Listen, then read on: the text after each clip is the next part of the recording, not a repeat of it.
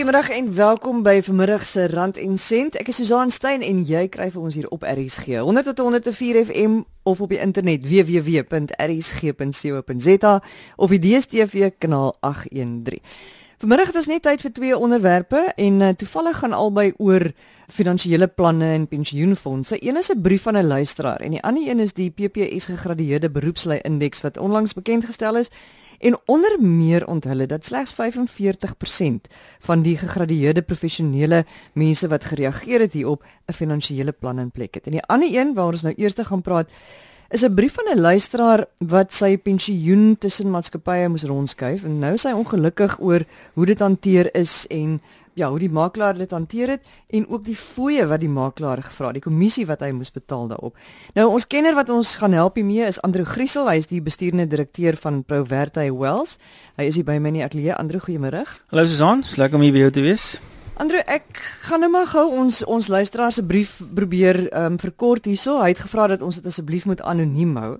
En hy sê hy het in by een werk bedank en hy moes sy pensioen na 'n ander maatskappy oordra. Nou die enigste opsie wat sy finansiële adviseur destyds aan hom voorgestel het, was 'n bepaalde uh plan van iemand 'n pensioenbeskermerplan of 'n bewaarfonds. En hy sê vir die skep van hierdie rekening het die adviseur om 'n kommissie gevra van 4,56%. Uh amper 5% van die bedrag as kommissie en 'n verdere 1.5% per jaar as 'n kommissie tot uh, 2011 toe. Hy sê hy is nie ingelig oor die kommissie persentasies nie en dit hy onlangs na 'n ander makelaar verskuif en dit vir hom gesê die persentasies was onderhandelbaar. Nou sê hy die pensioenbeskermerplan gaan nou in 2020 uitbetaal en sy makelaar het nou vir hom laat weet hy kan die plan se tydperk verleng en wanneer die plan tot 'n einde kom, kan hy dit in 'n pensioenplan of 'n anniteit belê waarop hy weer eens kommissie gaan betaal. Nou het hy 'n paar vrae wat hy graag wil hê ons vir hom moet beantwoord. Eerstens wil hy weet, is dit normaal dat die eerste pensioenfonds net in die pensioenbeskermerplan gesit kon word of is daar ander enkel bedragbelegging opsie wat beskikbaar was? Uh wat 'n werklike pensioenplan is en wat dan sal begin uitbetaal teen die einde van die termyn sonder 'n tweede verskywing van die fondse met 'n tweede kommissie. Susan, ek dink hier is eintlik 3 topics as ek dit sou kan stel wat wat uh, die moeite werd is om aan te raak. Ek dink ek wil net eers sy eerste vraag antwoord oor wat is jou opsies wanneer jy 'n werk verlaat en jy jou jou pensioen wil bewaar. Ek sal baie graag oor die kommissie uh, wel ook ietsie wil gesels en dan miskien laastens net wanneer jy uiteindelik aftree uit daai bewaringsfonds uit wat jou opsies dan is. So eerstens jou opsies wanneer jy 'n werk verlaat. Daar's basies 4 opsies. As jy 'n werk verlaat en jy gaan na 'n ander werknemer toe, dan het jy die opsie om jou pensioenfonds wat jy tot op daardie stadium opgebou het, saam met jou te vat na die nuwe werkgewer toe, mits hy natuurlik 'n soortgelyke produk of 'n soortgelyke pensioen of 'n voorsorgfonds uh, voordeel aanbied. Dis miskien amper die sinvolste opsie as ek moet eerlik wees, gegee dat die spesifieke werkgewer se se fonds 'n goeie fonds is. Hulle is nie almal gelyk geskape nie, maar ten minste weet jy dan jou fondse wat jy opgegaar het in jou periode wat jy gewerk het, bly bewaar en dit gaan daaraan. 'n Ander opsie wat waarskynlik soortgelyk of net so goed dalk is is om jou fondse na 'n bewaringsfonds te oor te plaas. Dis in 'n mate wat hy hier gedoen het en weer eens is daar natuurlik ongelukkig redelik verskille in terme van waar jy dit kan plaas in verskillende maatskappye en verskillende fooie. En luisteraars sal goed doen om sensitief te wees daarvoor en en hulle huiswerk rondom dit miskien te doen. Dis sou ek sê is nog steeds jou tweede beste opsie want ten minste bly jou fondse bewaar. In 'n bewaringsfonds as dit dan oorgedra is na 'n ander maatskappy toe, het jy wel 'n addisionele opsie wat jy nie het as jy dit na 'n nuwe werkgewer toe oordra nie en dit is dat as jy in finansiële moeilikheid wel beland, het jy die opsie om een onttrekking uit daai fonds uit te maak.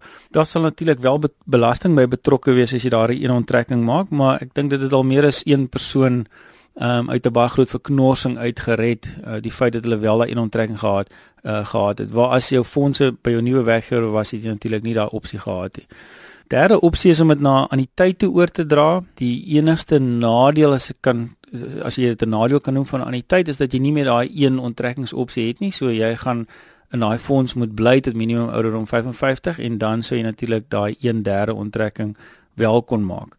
Die laaste opsie en ek dink eh, ek dink 'n mens moet amper dit nie as 'n opsie eers noem nie, is wel om wanneer jy bedank by 'n werk jou fondse te vat en natuurlik die belasting daarop te betaal. Die probleem daarmee is maar net dat 'n ou elke keer van voor af begin. So maar dit is jou vier opsies. So is definitief nie net een opsie dat dit moet na bewaringsfonds toe gaan nie. Daar is meer as daar's meer as net daai daai een opsie. So met ander woorde net om sy vraag te antwoord, dit is dis nie normaal dat die eerste pensioenfonds net in die pensioenbeskermerplan gesit kon word nie. Ja, ek meen dit is dis definitief sy enigste opsie gewees. So hy het meer as een opsie gehad, maar uit die uit die beplanner se oogpunt het onthou die eerste opsie was nie 'n opsie vir hom nie. So hy sou nie met hom gepraat het oor dit moet gaan na die na die volgende werkgewer nie, want dalk was daar nie 'n volgende werkgewer nie of dalk was die volgende het die volgende werkgewer nie eers 'n fonds gehad nie. En die vierde opsie obviously, ek dink enige finansiële beplanners om mense afrou om hulle geld te vat. So die die twee ander opsies was maar die bewaringsfonds of die anniteit en van daai twee sou ek dink die bewaringsfonds is die beter een van die twee. So ek dink nie daar was per se 'n probleem of fout met die aanbeveling ten opsigte van waartoe die fondse moes gaan nie. Maar die fooie waarvan jy praat is vir my wil amper die woord absurd gebruik. Luisteraars moet moet werklik moeite doen om te verstaan wat die norm is. Ehm um, daar's 'n groot verskil tussen wat die wet toepas en wat eties korrek is. Ehm um, die luisteraar het die bedrag genoem wat betaalbaar was. Ehm um, byna 5% van die bedrag. Wel, ek weet nie eens hoe hy by 4.5 kom nie want volgens my is die maksimum aanvangskommissie wat jy mag vra is 3.5% plus BTW. Miskien kom dit by 4.5 uit actually, maar dit is baie. Jy weet die die norm in in ek wil sê behoorlike praktyke is om geen aanvangsfooie te vra nie. Uh, jy weet en en 'n deurlopende fooi van 0,5% uh, waar hierdie persoon 1.5% vra. So weet om jou idee te gee uh, in 'n praktyk soos ons en ek dink meeste ander goeie praktyke sal sal 'n kliënt soos hierdie 9 jaar lank of die makelaar of die adviseur sou 9 jaar lank die kliënt moes gehad het net om daai fooi te verdien het. So die fooi is, is regtig in hierdie geval vir my 'n bekommernis en as die luisteraar praat van die volgende makelaar en nog fooie en as hy uittreë weer aanvangsfooie. Ek meen dit dit kan eenvoudig nie in die beste belang van die kliënt wees nie en daarvoor moet 'n ou baie mooi uitkyk. En dit lei my miskien na sy na sy finale vraag toe oor wat nou as hy um, op 55 of 65 of op watter ouderdom ook al kom en hy wil nou inkomste uit hierdie pensioen uit begin kry luisteraars moet verstaan dat vooraftrede produkte soos anniteit en bewaringsfondse word deur die uh, pensioenfondswet gereguleer artikel 28 van die pensioenfondswet en daardie reëls is 'n bietjie anders. Die oomblik as jy aftree uit anniteit word deur die, die langtermynversekeringswet gereguleer wat 'n ander wet is en ander ehm um, reëls wat geld. So jy moet ongelukkig as jy uit 'n pensioenfonds of uh, bewaringsfonds voorsorgfonds ehm um, anniteit as jy uit dit uittreë dan word dit 'n lewende anniteit. Of jy kan natuurlik weer uh, weer eens kontant vat, maar in hierdie geval dink ek gaan hy na 'n lewende anniteit toe gaan. Dan moet jy inkomste daar uittrek. Daar is geen rede hoekom daai oordragproses weer aanvangskoste hoef te hê nie. Veral nie as dit dieselfde adviseur is wat betrokke is. Want nou hy destyds al aanvangsfooie gevra wat in my opinie waarskynlik nie eens nodig was om dit te begin nie. Maar ek kan nie verstaan wat hy hier sê dat die makelaar vir hom gesê het hy sal dit weer in 'n pensioenplan of tyd moet belê wanneer dit uitbetaal teen 'n verdere kommissie nie. In die, in die ou dae was die maksimum ouderdom wat jy aan die tyd kon wees was 75 dan moes jy daar uit uittreë deesdae is daar nie meer so vereiste nie so jy kon jy kan teoreties in 'n in 'n vooraftrede produk soos aan die tyd wees tot op 99 of 100 dit maak nie saak nie So ek ek ek is nie seker wat die wat die advies daar was nie, maar dit dit klink nie vir my heeltemal logies nie. Nee. Ons kan nou ongelukkig nie hierdie maatskappy se naam noem waarvan hy praat nie, maar hy wil nou graag weet of hierdie pensioenbeskermerplan as wel as 'n pensioenfonds aangewend kan word of nie. So in sy huidige formaat kan hy nie aangewend word nie want hy is hy is nog in 'n vooraftrede tipe produk waar waarna ek verwys het wat onder regulasie 28 van die pensioenfondswet val. So as hy fisies daaruit wil aftree en 'n inkomste daaruit wil genereer, dan moet dit na 'n lewende anniteit toe gaan of soos ek vroeër genoem het, hy het ook 'n opsie om enkel bedrae te neem, maar dan is daar gewoonlik belasting by buitersprake. So die lewende anniteit mag dalk 'n beter roete wees hierso, maar jy sal meer detail moet hê om dit te weet, maar die lank en die kort is hy kan nie die geld kry either in die vorm van 'n lamsam of in die vorm van ehm um, maandeliks sonder om om weer die produkte verander nie. Maar dit beteken nie noodwendig daar moet weer 'n klomp kostes wees nie. Ek dink dis belangrik om dit vir mekaar te sê, jy weet, adviseer baie kliënte wat uh, seamlessly oorgaan van 'n anniteit na 'n lewende anniteit en sonder enige addisionele kostes wat ter sprake is. En dan wil hy weet of al ander pensioenplanne by ander maatskappye is wat 'n beter opsie sou wees as hierdie spesifieke plan. Ja, ek ek dink sy probleem in hierdie spesifieke geval was dat hy ehm um, met 'n agent ehm um, van 'n van 'n spesifieke versekeringsmaatskappy gewerk het en nie noodwendig 'n onafhanklike finansiële adviseur nie. Dit is nie noodwendig 'n probleem nie, maar hy jy weet ou mense maar net weet as jy met 'n agent van 'n spesifieke maatskappy werk, dan gaan hy net daardie maatskappy se produk vir jou kan voorlê waar 'n onafhanklike persoon sou vir jou 'n hele paar ander opsies op die tafel kon sit en nou sou dalk 'n beter beraming van kostes kon maak. So wat sê jy nou vir hom? Want een of ander tyd gaan hierdie geld nou uitkom so net om af te sluit om op te som. Wat wat sê jy vir hom en ander luisteraars in soortgelyke posisie wat nou luister wat moet hulle doen om te vermy om weer daai kommissies te betaal Kyk ek, ek meen ek sou nie weer 'n aanvangsfooi betaal nie. Dit maak nie saak of dit 'n nuwe adviseur is nie. Daar's genoeg adviseurs daar buite wat daardie portefeulje van hom sal oorneem sonder om 'n aanvangsfooi te vra. Ehm um, hulle kan dalk 'n eerlikste tarief vra vir die aanvanklike advies, maar dit gaan minimaal wees in vergelyking met wat 'n aanvangsfooi gaan wees. En dan die aan aaneenlopende fooi wat hy betaal en dis gewoonlik enigiets tussen 0,5 en en 1,5 is ekstreem, maar kom ons sê 0,5 en 1% is vir deurlopende advies en hy moet baie seker wees dat hy kry daai deurlopende advies en hy kry daai deurlopende diens want jy is as kliënt heeltemal geregtig om dit in enige tyd te stop. Al wat jy doen is jy skryf 'n briefie vir die betrokke beleggingsmaatskappy of versekeraar en jy sê weet jy wat my makelaar het ek 3 jaar laas gesien maar ek betaal elke maand 'n fooi daarop kan jy dit asseblief verwyder en hulle sal dit verwyder. Andrew baie dankie vir jou inkom dat jy vir ons kom raad gee. Dis Andrew Griesel, hy is die bestuurende direkteur van Proverte Wealth.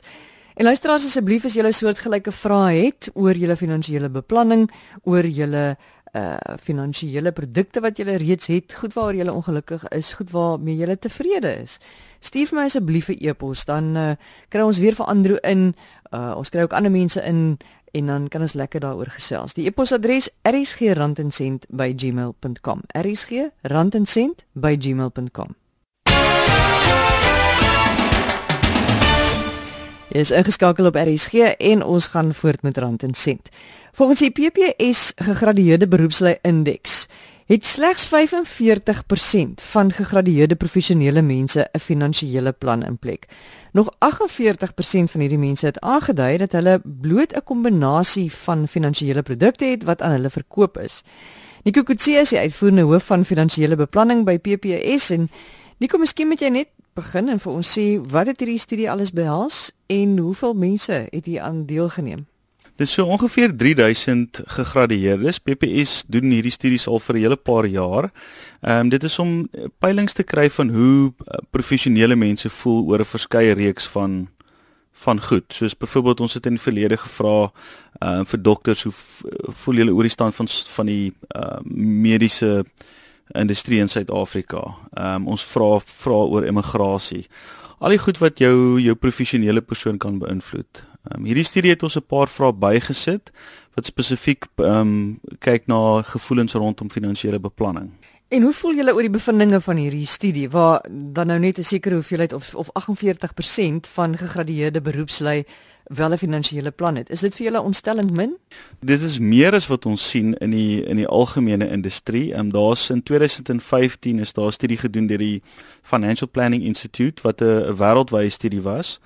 En een van die die die vrae wat hulle gevra het, ehm um, was hoe hoeveel mense het 'n finansiële plan wat neergeskryf is. Ehm um, en dit was net 'n derde gewees. So uh, ons was eintlik ek wil amper sê aangenaam verras gewees toe dit op 45% uitkom vir vir diegene wat ons gevra het. Ehm um, die vraag is natuurlik of weet mense wat 'n finansiële plan is en wat dit behels. En wat is dit sodat ons net kan weet waar, waar waarmee ons hier wat vergelyk? Ja, so kom kom ons begin miskien oor in, terme van wat dink mense baie keer dit is wat dit nie werklik is nie. So baie mense dink wanneer hulle 'n finansiële produk koop en hulle kry 'n kwotasie of 'n of 'n polisdokument rondom dit dit, dit noodwendig die finansiële finansiële plan is. Ehm um, dit is eintlik egter glad nie die plan nie. Die finansiële plan is is die ding wat gaan wat sê wat is jou behoeftes? Wat wil jy uit jou lewe uitkry? Dit sê dan vir jou wat het jy heidaglik? Wat is die gapings en wat het jy nodig om daardie gapings te te vul? Dit is wat 'n finansiële plan eintlik behoort te wees. Dit behoort nie noodwendig gekoppel te wees aan enige spesifieke produk nie. Dit gaan eintlik oor jou lewe en waar jy heidaglik is en wat jy moet doen om daai gapentjies te vul. Wat het julle nog alles agtergekom uit hierdie um, studie wat julle gedoen het? Ja. So die een ding is is dat mense ehm um, 45% het 'n plan. Die ander aspek wat ek dink redelik interessant was, 'n hoë persentasie van mense het gesê dat hulle ehm um, wanneer hulle beplanning doen, hulle wederhelfte deel maak daarvan.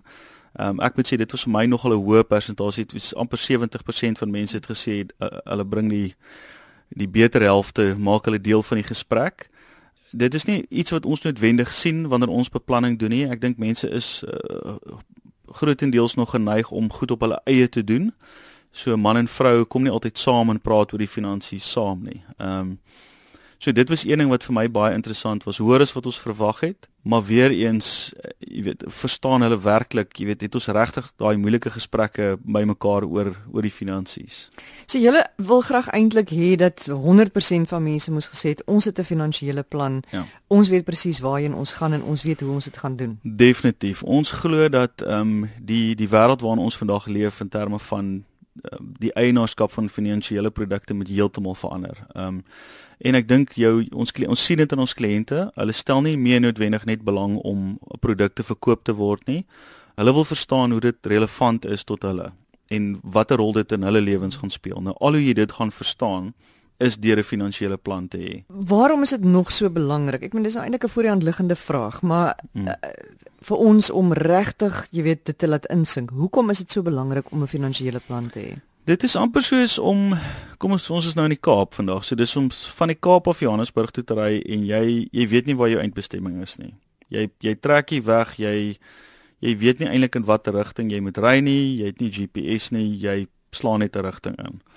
En is baie snaaks dat mense so werk met hulle finansies. As jy nie 'n plan het waartoe jy werk nie, hoe weet jy of jy op die einde van die dag oukei okay gaan wees? Hoe weet jy of jy genoeg geld gaan hê by aftrede? Hoe weet jy of wanneer jy te sterwe kom of jou familie wat agterbly nie jou huis moet verkoop om die eh, boedelbelasting te betaal nie? Dit is die plan is soos wat dit sê, dit klink baie eenvoudig, maar dit is skokkend hoe min mense regtig die die vraag al gevra het, weet jy waartoe jy op pad is? Want as jy nie weet nie, dan eindig jy op met 'n kombinasie van beleggingsprodukte en polisse wat iemand op 'n stadium in jou lewe aan jou verkoop het en jy weet nie regtig of jy of gaan jy okay wees nie.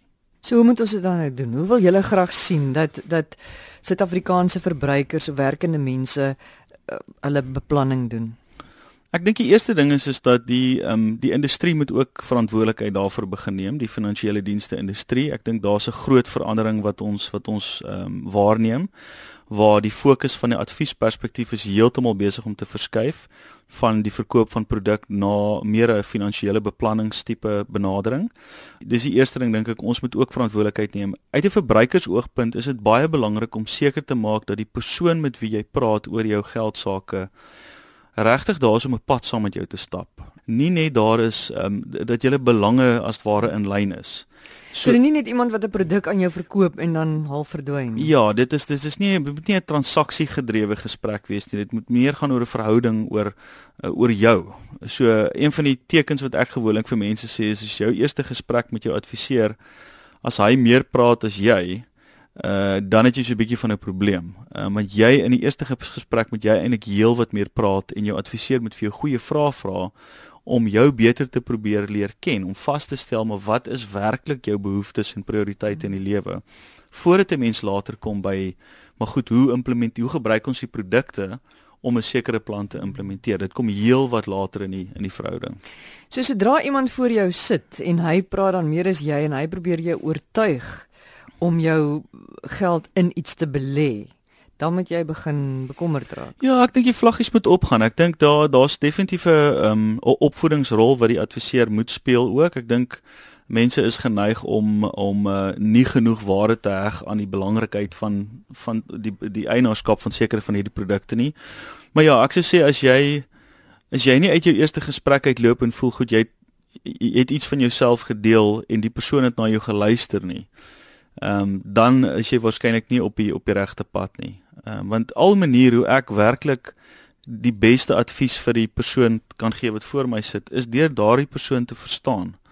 So dit is maar dit dit is 'n ander tipe gesprek. Jou jou goeie finansiële beplanner ehm um, is nie net iemand wat die geld sake verstaan nie. Dis iemand wat analities genoeg is om die geld sake te verstaan, maar ook ehm um, die emosionele intelligensie het om dit relevant te kan maak vir jou om jou spesifieke situasie te kan insien en en empatie te hê vir, vir vir jou situasie.